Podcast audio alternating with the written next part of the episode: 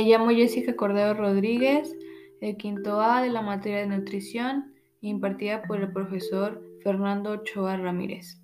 Voy a estar hablando sobre la nutrición en cada una de las etapas de la vida. Voy a comenzar por la fertilidad, que la fertilidad se ve afectada por varios factores en sí.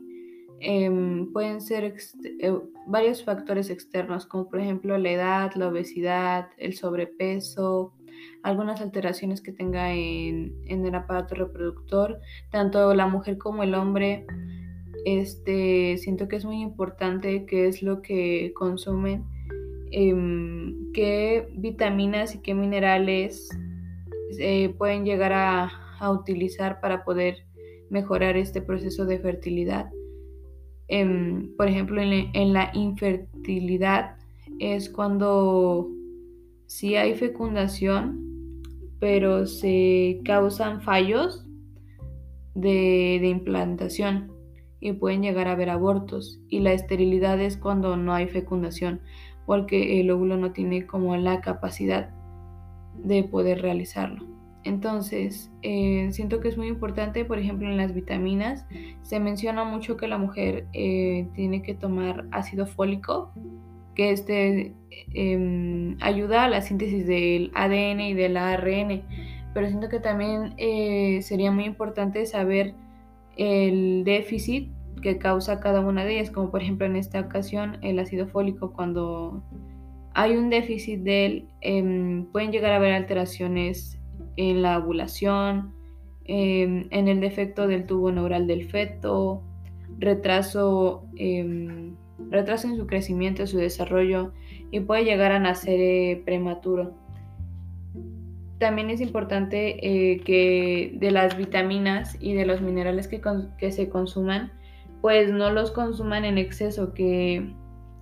porque pues también puede llegar a ser malo y perjudicial en vez de querer ayudar, como por ejemplo en los hombres, eh, la ingesta de algunos minerales y vitaminas ayuda a la calidad y a la cantidad de los espermatozoides. Y en vez de al consumir excesivamente las vitaminas y los minerales pueden llegar a generar lo contrario, ¿no? Otra de las cosas es que principalmente en la mujer eh, el peso saludable es muy importante durante y antes, durante y después del embarazo. Es importante que cuide eso porque es cierto que la mujer conforme va, va avanzando el embarazo, pues aumenta de peso, pero aumenta de peso en todo el proceso, o sea, no de jalón. Bueno, para esto se puede considerar o se le puede recomendar a la mujer que pues haga ejercicio moderado y pues esto eh, llega a tener menos riesgos, ¿no? En la mujer de que tenga obesidad o sobrepeso para un buen embarazo. Si es que también se consumen algunos medicamentos por parte de la mujer o del hombre, sería eh, verificar que no sean dañinos para la fecundación y si no sería dejar de consumir los medicamentos que están consumiendo normalmente. Porque puede llegar a haber un embarazo de alto riesgo que es cuando puede llegar eh, a, tener una patología o una condición anormal en la gestación, pero eh, llega al parto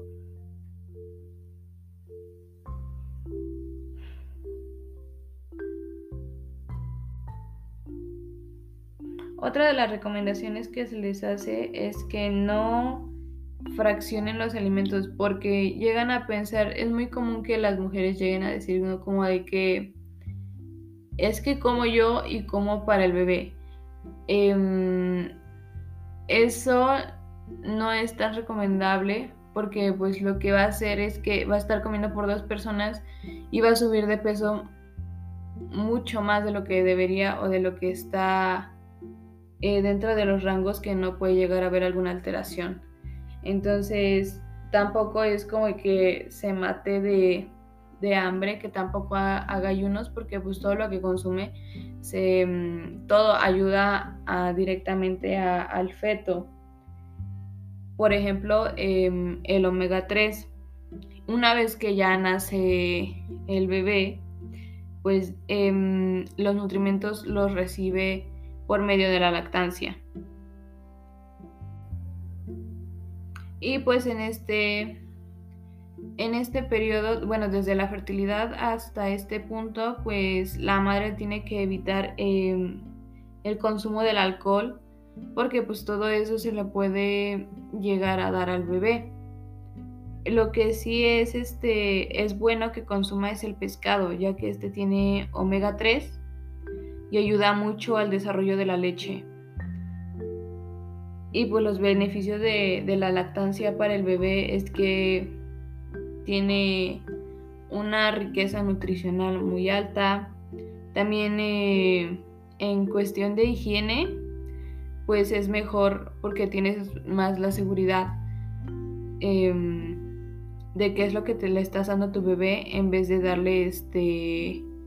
otra otra sustancia u otro suplemento y pues también es, es menos costoso a nivel económico. Al principio, bueno, las primeras semanas de, vida del bebé es eh, muy normal que las heces sean suaves porque en sí em, apenas su aparato digestivo eh, llegó al punto más maduro para poder digerir y absorber los, la grasa de la leche materna. Pero, por ejemplo, em, esto se da después de seis meses para llegar a su maduración completa. En el tercer, en el tercer trimestre del embarazo, el feto em, digiere el líquido este, amniótico y este es el que estimula el crecimiento y la maduración de, del recubrimiento del intestino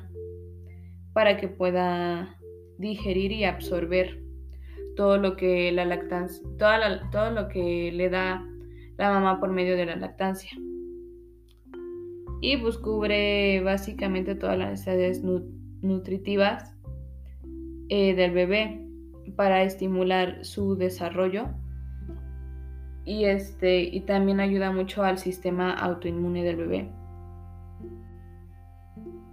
Después de los primeros seis meses se recomienda que, por ejemplo, la alimentación del bebé sea un poquito más variada, no solamente leche, sino que también Em, se vayan agregando progresivamente em, alimentos, ya que el aporte calórico de, de la lactancia va disminuyendo con el tiempo. Entonces es importante que empiece a consumir otros alimentos el bebé. Y bueno, ya se le considera lactante mayor cuando ya pasó un año o tiene de un año a un año con 11 meses. Y pues ya aquí este, ya aquí como dije antes, em, toma leche materna, pero también se le implementan otros alimentos. Ya después de los dos años eh, se le considera preescolar de los dos a los cuatro años y ya aquí es donde empieza este a comer ya alimentos, como por ejemplo em, refrigerios, como lo son las frutas y porciones que sean este, adecuadas a su edad. No todo, por ejemplo, en, una fruta, no, todo se va, no se va a comer toda la fruta, a lo mejor una cuarta parte, o una verdura, a lo mejor eh, la mitad de esa. De acuerdo a su edad es lo que va a ir consumiendo el, el niño. Por ejemplo, ya eh, de los 4 a los 13 años se le dice escolar y ya las necesidades de las proteínas del escolar ya son, a partir de aquí empiezan a cambiar porque son menores a los, a los lactantes y a los preescolares. Y pues empieza a cambiar la composición corporal, por ejemplo, en las mujeres, hay más cantidad de, grasa, em, se tienen a, formar estos depósitos de grasa hasta los 17 años. Y en los hombres hay, hay mayor masa muscular. Y los depósitos de grasa se van a se empiezan a reducir como por los 13 años de edad. Y de ahí ya comienza la adolescencia que a partir de aquí el 50 al 70% de la energía de la dieta se basa en, en carbohidratos. Después de la adolescencia Em, sigue la, vida adulta mayor, que aquí este se divide en dos partes según el, comité eh, conformado por el FAO, la OMS y la ONU. Se divide en dos, que es el adulto joven, que va desde los 18 a, a los 35 años, y el adulto maduro, que va desde los 35 a los 59 años. Y ya a partir de aquí la alimentación tiene que ser este, bueno, en, sí, en todo el recorrido desde que el niño ya puede empezar a comer o se le empieza a cambiar la alimentación, em, no solamente la leche materna, pues tiene que ser variada, dependiendo a lo que el porcentaje de, por ejemplo, de lípidos, de carbohidratos y de proteínas que tiene que llegar a a consumir es como su alimentación va cambiando, porque en algunas etapas de la vida se necesita, por ejemplo, más ingesta de proteínas y en algunas em, ya no tanto la ingesta de proteínas, sino de carbohidratos. Y al llegar a, la alimentación en el adulto mayor, em, pues este también tiene ya eh, muchos factores externos que lo determinan porque ya no solo es este pues lo que consume sino también pues con el con el crecimiento pues em, van habiendo cambios biológicos en el cuerpo la estatura el peso la pérdida y la ganancia de, de por ejemplo de masa muscular de grasa y esto también influye como por ejemplo en la actividad física en el estilo de vida que lleva.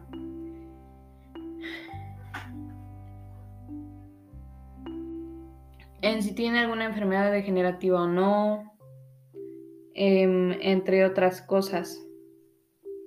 Y bueno, en general siento que es muy importante em, el saber qué es lo que consumes mayormente y por qué es necesario que, que sepamos